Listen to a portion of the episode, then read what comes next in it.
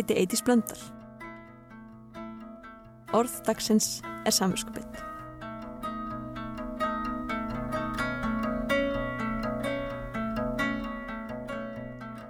Ég strengdi árumöndaheit við upp af þess árs að hætta að fá samvinskubitt. Árferðið gerði áskorununa eiliti meiri krefjandinni hefði séð fyrir mér en þess þó heldur þurfti ég á hann að halda. Líf mitt hafði stjórnast að samvinskubitti. Ég vildi grípa í taumana, setja sjálfur stjórnvölinn og fór því til fundar við sjálfa mig.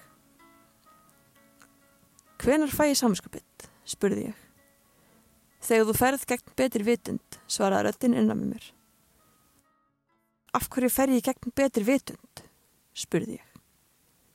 Því þú ert astni, Eidís, svaraði röttin og svo heyrðist mér hún andvarpa. Þekkjandi röttina innan með mér mynd hún eitthvað að borðið breysk en hún velur mér ekki alltaf fegurst orðin. En, en stundum fæ ég samvinskupið þegar ég gerir það sem ég vil gera, eins og þegar ég fæ pössun til að gera eitthvað, en fæ samvinskupið um leið og í hveð barn mitt. Hvað er málið með það?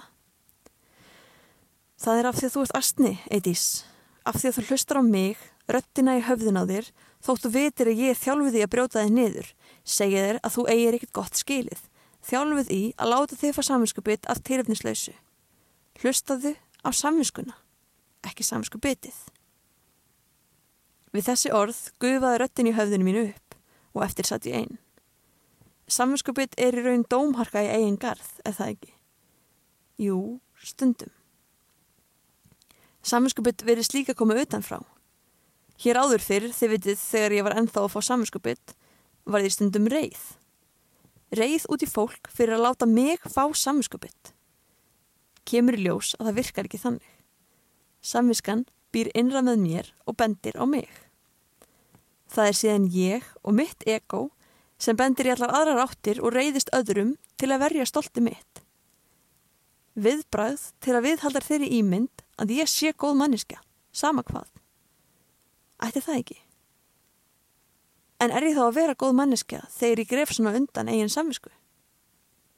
Því þegar við tölum um samvisku þá erum við að tala um áttavitan innan með okkur sem greinar á milli þess sem okkur finnst rétt eða ránt. Og þið vitið, ég er bara þannig innrækt að mér langar að gera rétt. Hvort að það sé svo raunhæft er stóra spurningin sem ég fannst erfitt að horfast í augu við. Ætlum við hafa ekki bara skort hugur ekki til þess að líta í eigin barm hér áður fyrr. Haldandi að ef ég sannfærið mig bara um að ég væri að gera þið rétta og næði að bæja mótmælandi skoðunum frá, myndi þar við liggja. Og nú, þegar samvinskan knýr á dyr, þá hleypi henni bara inn og hella upp á kaffi, forvitin að heyra hvað hann hefur að segja.